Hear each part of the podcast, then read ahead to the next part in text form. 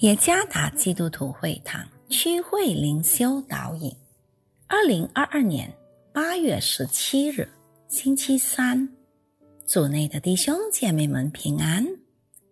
今天的灵修导引，我们将会借着圣经罗马书十三章第八节和诗篇三十七篇二十一节来思想今天的主题。拒绝债务以求满足。作者古沙拉传道。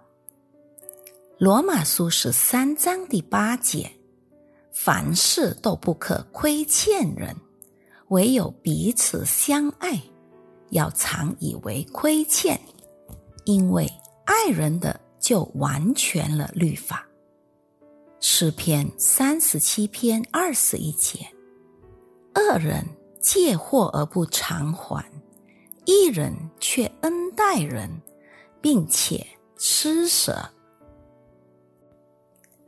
印尼金融服务监管局 （OKJ） 在二零二零年三月表示，七十点零七八仙的十九至三十四岁的千禧一代中，主宰在线上贷款 b i n o。使用这线上贷款的原因是由于二零一九冠状病毒大流行所造成的经济困难，加上社区数字化消费的行为。那么，基督徒应该如何看待债务呢？圣经多次提到债务。上帝安排好，贷款人不可向其他贫穷人收取利息。参看出埃及记二十二章第二十五节。我们被不可随意为欠债的作保。参看箴言二十二章第七节。欠债的将受债主管辖。参看箴言二十二章第七节。每个欠债的人。都必须偿还债务。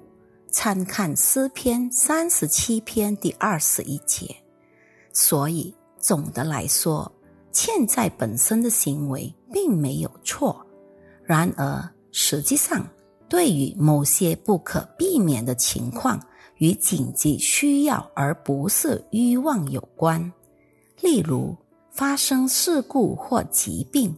迫使我们花费超过我们的收入，欠债乃是最后的选择，因为欠债并不是一个理想的选择。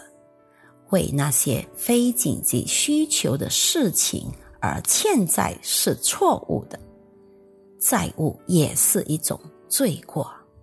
由于无法管理好财务，或没尽心竭力工作。而导致的债务确实不是基督徒的生活方式，因此我们不应该亏欠人，而是应该彼此相爱和互相帮助。参看罗马书十三章第八节，使徒保罗强调这一点，因为债务使我们失去了给予他人的自由。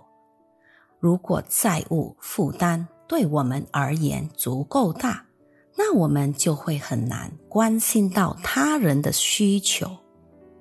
债务也使我们无法管理好未来，因为我们只忙于考虑偿还债务，而忽略了为更好的生活做计划。更重要的是，债务可以让人们失去自由的享受和平。并在生活中失去喜乐，因此拒绝一切为了满足日常生活方式而欠债的欲望，训练自己，并请求圣灵帮助，明智的管理财务。如果就算您必须欠债，请确保债务不超过于我们偿还的能力。二人。借货总不偿还，一人却慷慨施舍。诗篇三十七篇二十一节。愿上帝赐福于大家。